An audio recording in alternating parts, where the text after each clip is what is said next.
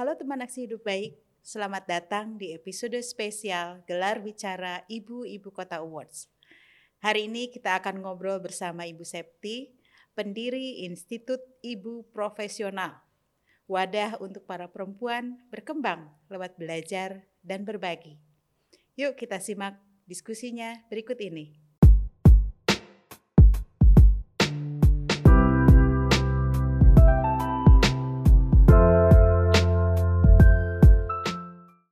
Septi, apa kabar? Kabar baik, Bu Ferry. Bagaimana dengan Bu Ferry? Alhamdulillah. Alhamdulillah sehat. Senang bisa ketemu dengan Bu Septi. Iya, Lagi, bahagia.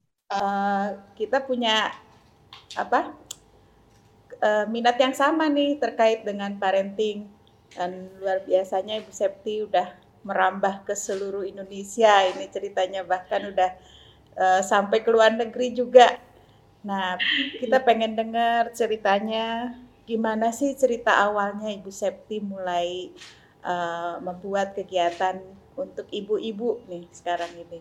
Dan kenapa iya. diberi nama ibu profesional? Iya, iya, iya, iya. Terima kasih Bu Ferry.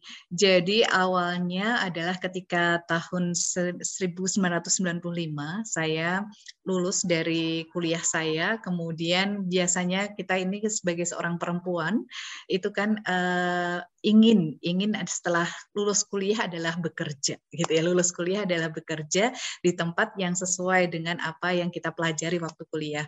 Nah, tantangan ternyata terjadi Bu ketika saya mulai lulus dapat ijazah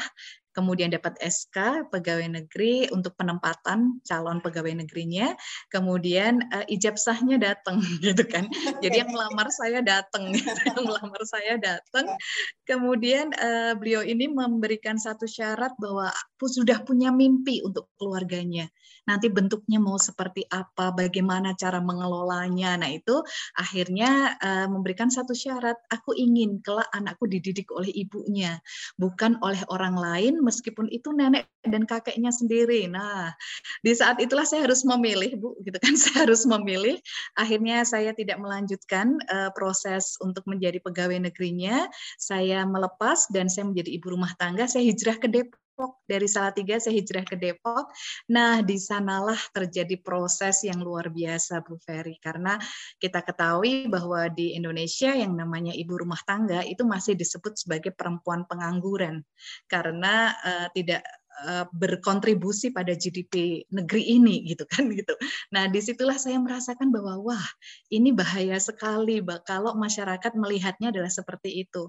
Bahkan diri kita sendiri pun juga merasakan bahwa ketika kita mulai apa namanya menjadi ibu rumah tangga itu ditanya e, Bu Mbak Mbak Septi kerja di mana itu agak malu-malu waktu itu saya. Gitu. Jadi saya merasakan uh, saya cuma ibu. juga ada ya pekerjaan. Iya pekerjaan itu itu ada form pekerjaan itu waktu itu hanya ibu rumah tangga itu tidak disebut sebagai sebuah pekerjaan gitu kan. Nah akhirnya saya merasakan bahwa oke okay, ini bahaya sekali kalau semua perempuan yang menjadi ibu rumah tangga itu malu akan uh, peran yang diambilnya. Dan akhirnya saya memiliki prinsip for things to change, I must change first. Jadi kalau ingin mengubah sebuah kondisi masyarakat, maka saya harus berubah terlebih dahulu. Maka akhirnya saya mulai uh, mengubah mindset saya bahwa ibu rumah tangga itu biasanya dasteran, kemudian enggak keren di rumah gitu ya Bu ya. Berbeda dengan ibu-ibu yang bekerja di ranah publik gitu kan. Akhirnya saya bilang, "Oke, okay, saya gantung daster saya dari jam 7 pagi, kemudian sampai dengan jam 7 malam saya mengenakan kostum selayaknya perempuan-perempuan yang kerja di ranah publik gitu. Ah. Kemudian saya belajar banyak Bu di situ. Saya belajar banyak dan akhirnya 8 tahun saya di rumah untuk menggodok sebuah proses bagaimana saya berubah dan setelah itu tahun 2000 11 baru saya memberanikan diri untuk membuka bagi teman-teman lain karena saya sudah selesai dengan diri saya dan akhirnya 2011 saya mulai membuka kalau ada teman-teman berbagi pengalaman gitu, berbagi pengalaman secara offline terlebih dahulu, kemudian 2012 baru dinaikkan di online dan jadilah ibu profesional. Nah, kenapa ibu profesional? Tadi pertanyaan Bu Ferry adalah karena uh, untuk menjadi uh, saya memiliki prinsip Bu bahwa segala sesuatu kalau dipegang oleh uh, tan oleh bukan oleh ahlinya, maka tunggu tingkat kehancurannya. Maka saya pikir anak-anak ini adalah seamanah yang luar biasa kalau tidak ada ilmunya, maka tunggu kehancurannya gitu.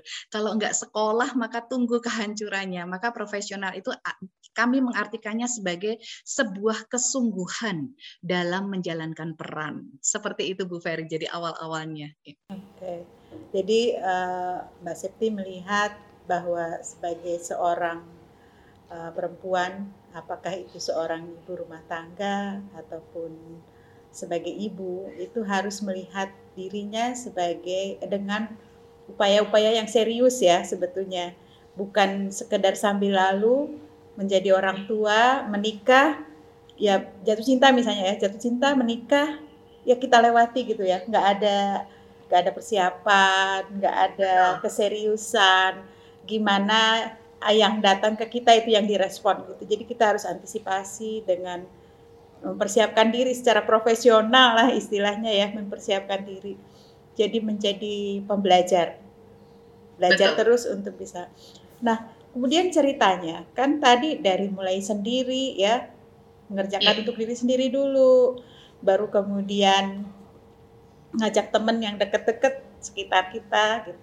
Sekarang kok bisa sampai sudah mendunia tuh gimana ceritanya Iya Bu, ini proses sebenarnya ya Bu ya proses bahwa saya yang pertama ketika membangun sesuatu itu adalah saya ini adalah uh, langkah saya untuk belajar. Ini adalah forum belajar saya. Ini adalah forum kebutuhan saya. Kemudian ini adalah forum untuk saya bisa berkembang, kemudian berkarya, berbagi dan berdampak bagi sesama. Nah, ini adalah proses yang saya pegang awalnya, Bu. Sehingga ketika memulai kegiatan, kami memulai offline terlebih dahulu tahun 2011 pas di tanggal 22 Desember 2011 itu dari saya sendiri kemudian saya mm, yang penting saya belajar untuk uh, menyampaikan apa yang saya ya saya, saya sudah saya alami gitu. Jadi meng, menyampaikan apa yang sudah saya alami terus menerus seperti itu. Maka akhirnya kalau ada tamu Bu dari jam 9 sampai dengan jam setengah 11 saya sudah cut. Saya tidak tidak tidak akan menerima tamu karena jam itu khusus saya akan belajar. Nah, ketika ada tamu maka mereka langsung kalau mau tunggu di depan sini di di ruangan ini setelah saya belajar. Nah, akhirnya mereka tanya, Bu, Rabu depan juga seperti ini lagi. Iya, saya tiap Rabu ini konsisten setiap Rabu. Berarti saya boleh ke sini lagi dan boleh bawa teman lagi ya, Bu? Ya boleh. Maka akhirnya itu terjadi rutin, konsisten. Setiap hari Rabu dari satu orang saya kemudian muncul dia sampai 100 orang itu di offline. Nah, kemudian 2012 baru saya unggah dan akhirnya muncullah uh, member dari tahun 2012 sampai dengan 2013 itu 3.500 ibu gitu. 3.500 ibu konsisten mengikuti pembelajaran setiap Rabu gitu, setiap Rabu. Dan akhirnya mereka karena ini online, uh, mereka ingin offline juga gitu kan. Mereka ingin offline juga sehingga hybrid ada kegiatan online, ada kegiatan offline itu sejak tahun 2012. Kemudian muncullah regional-regional para ibu-ibu ini berkumpul, berkumpul yang Jakarta kumpul, yang uh, Payakumbuh kumpul, kemudian yang Nusa Tenggara kumpul, mereka kumpul semuanya untuk berbagi, berbagi apa yang didapatkan di online. Kemudian akhirnya muncullah WhatsApp Bu. Ketika muncul WhatsApp di tahun 2015, kami akhirnya uh, memberikan platform pembelajaran lewat WhatsApp sehingga terdampak ke ibu-ibu yang luar biasa banyaknya tahun 2015 sampai 2018 itu sampai 11 ribuan ibu. Itu bisa belajar bareng satu ibu memegang 100 gitu. Ketika pandemi ini membuat uh, kami akhirnya kayak KKN gitu karena sudah mengalaminya sejak tahun 2012 sudah work from home sudah learn from home bersama dengan anak-anak kemudian sudah uh, menerima kondisi bahwa kami berada di rumah dan kami bisa produktif dari dalam rumah sehingga sekarang sudah banyak uh, timnya, manajemennya sudah sudah jadi dan mereka berjalan sesuai dengan perannya masing-masing. Seperti itu Bu Ferry. Menarik sekali. Jadi uh, pandemi sebetulnya jadi nggak perlu penyesuaian yang bikin kaget-kaget itu ya kemarin ini kan banyak sekali orang tua yang merasa kaget dengan perubahan peran yang drastis karena dia kerja di rumah, yeah. anak sekolah di rumah, semua dikerjakan bersama-sama yang tadinya uh, terbiasa dengan pembagian waktu kerja dan rumah yang terpisah gitu ya. Nah ini kan iya. konsepnya ibu profesional itu tadi bahwa kita harus memperlakukan kehidupan ini dengan serius, dengan uh, sepenuh hati, termasuk dari persiapan-persiapan untuk menjadi orang tua gitu ya. Iya, nah, iya betul. Uh, Ibu belajar parenting, belajar ini dari mana ketika masih sendiri waktu itu? Iya, jadi ketika sendiri itu kami uh, apa namanya sering sering untuk belajar bersama suami saya gitu bersama suami saya untuk diskusi terus Bu. Jadi uh, sebenarnya yang melatih saya itu adalah suami saya. Jadi beliau ini sangat dari zaman-zaman kuliah dulu sudah sangat senang dengan anak-anak dan dunia anak-anak, dunia pendidikan gitu ya, dunia pendidikan sehingga uh, setiap hari ini proses pembelajaran di rumah kami terjadi.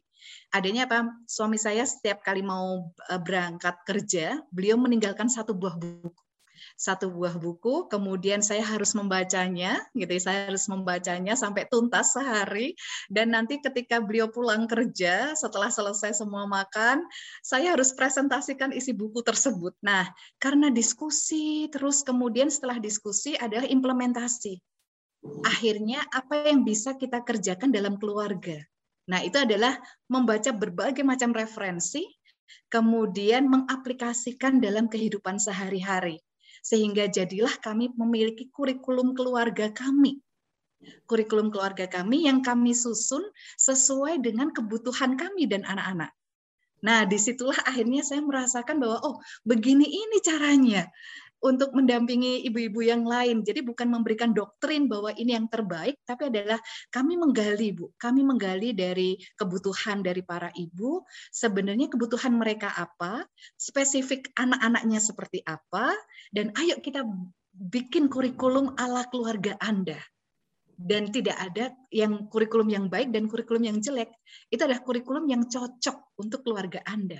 Nah, untuk menjadi fasilitator ada ada syarat tertentu atau uh, bisa siapa saja?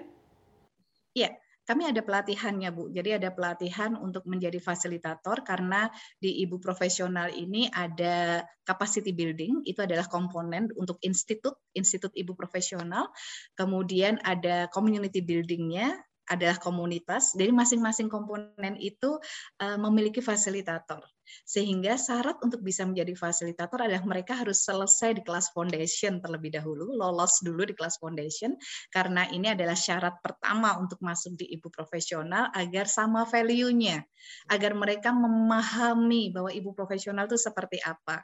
Kemudian setelah itu yang uh, akan menjadi fasilitator di institut ibu profesional, maka harus melalui materi matrikulasi, kemudian tahapan bunda sayang, tahapan bunda cekatan. Nah, kemudian ada tes fasilitator, gitu. Ada ujian fasilitator dan mereka boleh mengajar teman-teman di kelas matrikulasi. Nah, itu terus berproses seperti itu. Demikian juga ketika komponennya ada di komunitas. Ketika dia di komunitas, maka ada ayunda. Nah, ada ayunda-ayunda ini yang mendampingi para ibu ini ketika memilih sesuai dengan uh, passion. Ada rumah belajar menjahit, ada rumah belajar masak, ada rumah belajar fotografi gitu. Itu masing-masing uh, memiliki kelas dan dipandu oleh masing-masing fasilitator. Seperti itu. Jadi belajarnya nggak cuma parenting dong ya? Tadi ada menjadi. Enggak, Bu. Tidak Bu, parenting itu uh, hanya sebagian kecil di kami ini. Jadi pertama ini adalah uh, matrikulasi ini untuk mengenal bagaimana kita dan pasangan, kita dan pasangan itu ada sudah klop belum gitu kan. Kemudian nanti di Bunda Sayang baru how to educate the children. Bagaimana kita mendidik anak-anak kita. Kemudian kalau di Bunda Cekatan itu ada how to manage the family. Jadi bagaimana kita bisa menjadi manajer buat keluarga kita. Jadi yang tadinya hanya kasir keluarga, kami naikkan lagi, ayo belajar lagi menjadi uh, Iya, menjadi uh, manajer keuangan gitu ya, manajer keuangan keluarga ya. Tadinya cuma koki gitu ya, koki aja masak aja naik yuk jadi manajer gizi keluarga. Kemudian yang misal tukang antar jemput anak sekolah gitu ya, biasanya ibu-ibu kan gitu ya, tukang antar jemput anak sekolah, ayo dinaikkan lagi menjadi manajer pendidikan keluarga. Nah, itu uh, di Bunda Cekatan. Nanti kalau sudah lulus di Bunda Cekatan, mereka naik lagi Bu ke Bunda Produktif. Jadi bagaimana ibu ini bisa mandiri secara finansial, bisa uh, jati dirinya keluar, passionnya keluar, kemudian karyanya keluar sesuai dengan dirinya, menemukan kembali dirinya tanpa harus meninggalkan anak dan keluarga. Jadi tetap aja di rumah, kita bisa berkarya dari rumah. Bahkan kali ini kita punya uh, tagline adalah dari rumah untuk dunia gitu. Nah, kemudian nanti tahapan keempat kita adalah Bunda Solehah. Di Bunda Solehah ini adalah bagaimana keberadaan ibu dan perempuan itu bisa bermanfaat bagi dirinya, keluarganya, dan lingkungan sekitarnya. Jadi di tahap terakhir ini ibu-ibu belajar menjadi ibu pembaharu, menjadi change maker mother gitu, change maker mother untuk dirinya, keluarga, dan lingkungan sekitarnya. Jadi tahapannya seperti itu, Ferry. Luar biasa. Saya ngebayanginnya ibu profesional itu ya bahwa untuk menjadi orang tua kita harus belajar. Tapi ternyata ini lebih dari itu. Bagaimana kita sebagai perempuan bisa berdaya, bisa berkarya, dan bisa berdampak gitu ya. Betul Bu. Karena itu value kami yaitu adalah 5B Bu. Belajar, kemudian berkembang, setelah berkembang berkarya, kemudian berbagi. Jadi ada berbaginya dari karyanya itu dibagikan. Kemudian terakhir adalah berdampak. Nah, ini adalah di semua komponen selalu harus ada unsur 5B ini gitu. Luar biasa. Nah, jadi saya ingin bertanya nih. Tadi kan uh, salah satu fasilitator itu harus tahu apa sih ibu profesional itu. Nah, yeah. boleh dijelasin nggak sih Mbak Septi, Bu Septi, uh, apa ibu profesional itu? kalau dibuat dalam kalimat? Kalimat ya, ibu profesional adalah kalau sebuah dari sebuah entitas adalah forum belajar bagi para ibu dan calon ibu yang ingin meningkatkan kualitas dirinya, ya kualitas dirinya dalam menjalankan peran sebagai seorang perempuan, seorang istri dan seorang ibu. Kalau secara individu, ibu profesional adalah seorang ibu yang uh, bersungguh-sungguh menjalankan perannya sebagai seorang perempuan, sebagai seorang istri, dan sebagai seorang ibu. Jadi intinya di kami ini adalah eh, kesungguhan. Jadi kami melatih benar-benar yang namanya komitmen dan konsistensi. Bahwa kalau kita sudah mengambil peran sebagai seorang ibu, itu kita mengambil amanah ketika mengambil amanah itu maka kitalah yang harus bersungguh-sungguh gitu. Jangan menuntut orang lain untuk bersungguh-sungguh atau menyalahkan anak kita gitu ya kalau terjadi apa-apa. Berarti kita harus balik lagi bahwa kita yang harus uh, berkomitmen dan bersungguh-sungguh menjalankan ini karena anak tidak minta lahir dari rahim kita kitalah yang memintanya dari yang maha pencipta gitu. Nah, saya juga menekankan kepada teman-teman bahwa biasanya kalau orang sudah perempuan sudah menjadi ibu, sudah menjadi istri itu hilang jati dirinya gitu kan. Hilang jati dirinya, septinya itu yang mana itu nggak boleh hilang saya gitu. Nggak boleh hilang. Jadi harus hadir kembali sehingga matamu tetap berbinar saya gitu. Matamu tetap berbinar karena inline antara mimpi seorang perempuan menjalankan peran menjadi ibu, menjalankan peran menjadi istri itu satu hal yang tidak bisa dipisahkan, apalagi dikorbankan. Nah, itu. Uh, saya jadi tertarik ini kan kita bicara semuanya tentang ibu, tentang perempuan gitu. Yeah. Di mana tempat uh, Bapak nih di dalam kurikulumnya Bu Septi? Iya, kalau uh, di ibu profesional itu uh, memang khusus kurikulum untuk perempuan. Jadi untuk ibu dan calon ibu begitu. Kemudian kami memiliki yang namanya komponen lain. Gitu. Komponen lain itu adalah uh, komponen untuk beraktivitas bersama dengan keluarga. Maka kami punya yang namanya family strategic planning. Nah, di family strategic planning ini kan biasanya bapak-bapak itu uh, sangat merencanakan kan di corporate-nya gitu ya di di kantornya masing-masing bagaimana strategic planning. Maka kami melatih para ayah gitu para ayah untuk menjadi uh, apa strategic planner gitu untuk keluarganya, kemudian kumpul bersama dengan keluarga. Jadi tidak tidak murni hanya ayah saja, tapi adalah ada pasangannya dan ada anak-anak yang sudah usia-usia 10 tahun ke atas untuk diajak ngobrol gitu, untuk diajak ngobrol bahwa value keluarganya itu ada di mana. Kemudian peta keluarganya punya apa enggak. Nah, itu dilatihkan. Nah, itu yang melatih adalah suami saya. Kemudian eh, apa namanya ada setelah family strategic ada project keluarga. Jadi para ayah dan keluarganya ini dilatih untuk bagaimana bisa membuat proyek keluarga yaitu uh, untuk menyatukan, untuk menjadikan bonding keluarga. Maka kami punya uh, apa namanya mantra, gitu punya mantra di Ibu adalah main bareng, ngobrol bareng, beraktivitas bareng. Maka ini dijadikan untuk para ayah dan keluarganya.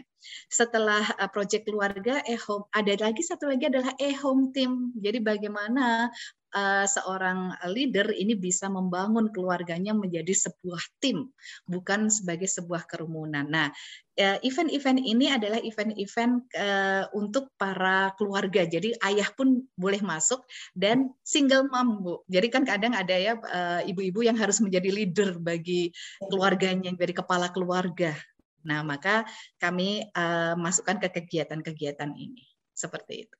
Kalau pengalaman saya nih, kalau di sekolah itu yang namanya yang aktif ngurusin anak itu kan ibu di sekolah. Kalau pas yeah. lagi penerimaan ini penghargaan baru nama bapaknya datang. nah itu buat mengajak bapak-bapak ini kadang kan mereka udah sibuk dengan urusannya di luar, mau gitu untuk terlibat dalam aktivitas seperti ini. Gimana tuh caranya bu? Iya, yang pertama kami adalah uh, forumnya harus forum santai Bu untuk yang cocok buat bapak-bapak. Jadi uh, suami saya tuh bikin sebenarnya uh, temanya adalah children center learning gitu ya. Tapi uh, dikasih namanya apa? Ngopi gitu. Ngopi bareng gitu ngopi bareng. Jadi kami hanya mengajak uh, bapak-bapak yuk kita camping bareng kita kemah kemudian kita ngopi bareng kita hiking gitu ya kita hiking. Nah misalkan yang senang sepedaan ayo sepedaan bareng. Nah di saat itulah ternyata uh, muncul muncul hal-hal di mana para ayah ini ternyata keren loh dalam mendidik anak-anak dalam uh, sesuai dengan porsinya. Jadi jangan diajak parenting gitu. Kalau saya jangan pernah diajak parenting ayah ini. Jadi misalkan nih saya, saya ini kan uh, belum menjadi belum bis, belum terlibat di kegiatan yeah. IP. Saya sebagai seorang ibu, sebagai seorang ibu rumah tangga ingin terlibat di yeah. IKI ibu profesional ini. Gimana caranya? Iya, jadi nanti daftar dulu Bu, daftar di foundation. Nanti ada. Ini tadi ya Desember kalau nggak salah. Desember, betul. Iya, betul Bu. Jadi bulan Desember kita pas ulang tahun yang ke-10 itu uh, kita membuka pendaftaran, kemudian Ibu daftar di sana dan setelah itu ada pengumuman siapa saja yang lulus karena tidak semuanya diterima Bu berdasarkan kapasitas kami gitu, kapasitas kelas kami dan akhirnya mereka yang sudah diterima itu akan masuk di kelas foundation. Jadi kayak uh, orientasi, orientasi uh, kampus gitu ya, ya kayak orientasi kampus. Mereka masuk dulu di kelas, kemudian setelah uh, lulus di kelas foundation, mereka melanjutkan ke penjurusan. Jadi ada penjurusannya. Jadi yang senang dengan altruism, kebaikan untuk uh, menjalankan kebajikan-kebajikan, itu kami memiliki yang namanya sejuta cinta. Kemudian yang senang belajar sampai dengan tahapan-tahapan sampai selesai menjadi fasilitator dan sebagainya, mereka masuk ke jurusan di institut. Kemudian mereka yang senang uh, bisnis itu masuk ke KIPMA namanya Bu. Itu di sana ada forum belajarnya di KIPMA. Mereka yang senang uh, dengan rumah belajar, kemudian membuat apa namanya uh, passion sesuai dengan passionnya, masuknya ke komunitas penjurusannya. Cita-cita apa sih Bu dari Institut Ibu Profesional yang belum tercapai? Iya, uh, ibu profesional ini sekarang kan uh, menggawangi ibu-ibu dengan rata-rata usia adalah 20 sampai 40 tahun, Bu. 20 sampai 40 tahun sedangkan saya sendiri secara pribadi ini sudah memasuki usia jelita, jelang 50 tahun dan sudah punya cucu gitu kan. Sudah punya cucu, maka saya punya punya sebuah impian lagi bahwa saya harus memegang uh, para ibu-ibu yang sudah jelita dan alita. Jadi uh, para ibu-ibu yang jelang 50 tahun, kemudian di atas 50 tahun, sehingga mereka menjadi nenek-nenek profesional, gitu ya. menjadi nenek-nenek profesional yang tidak akan mengganggu keluarga anaknya, kemudian um, mendidik anak, mendidik, apa, melihat sudut pandang cucunya itu sesuai dengan perkembangan zaman, tidak memandangnya secara uh, emosional, gitu, emosional. Kalau ibu-ibu ada yang mau belajar untuk menjadi ibu yang baik, untuk mengembangkan potensi diri, maka ikut bergabung di Institut Ibu Profesional. Dan waktunya cuma satu jam satu minggu. Terima kasih banyak Bu. Sama-sama Bu Ferry. Insya Allah. Mudah-mudahan kita bisa bertemu dan ngobrol-ngobrol lain waktu. Senang, dengan senang hati Bu. Semoga pandemi ini segera berlalu dan kita bisa ketemu nantinya. Insya Allah. Insya Allah. Oke. Okay. Sampai jumpa lagi Bu Septi. Assalamualaikum warahmatullahi wabarakatuh. Waalaikumsalam warahmatullahi wabarakatuh.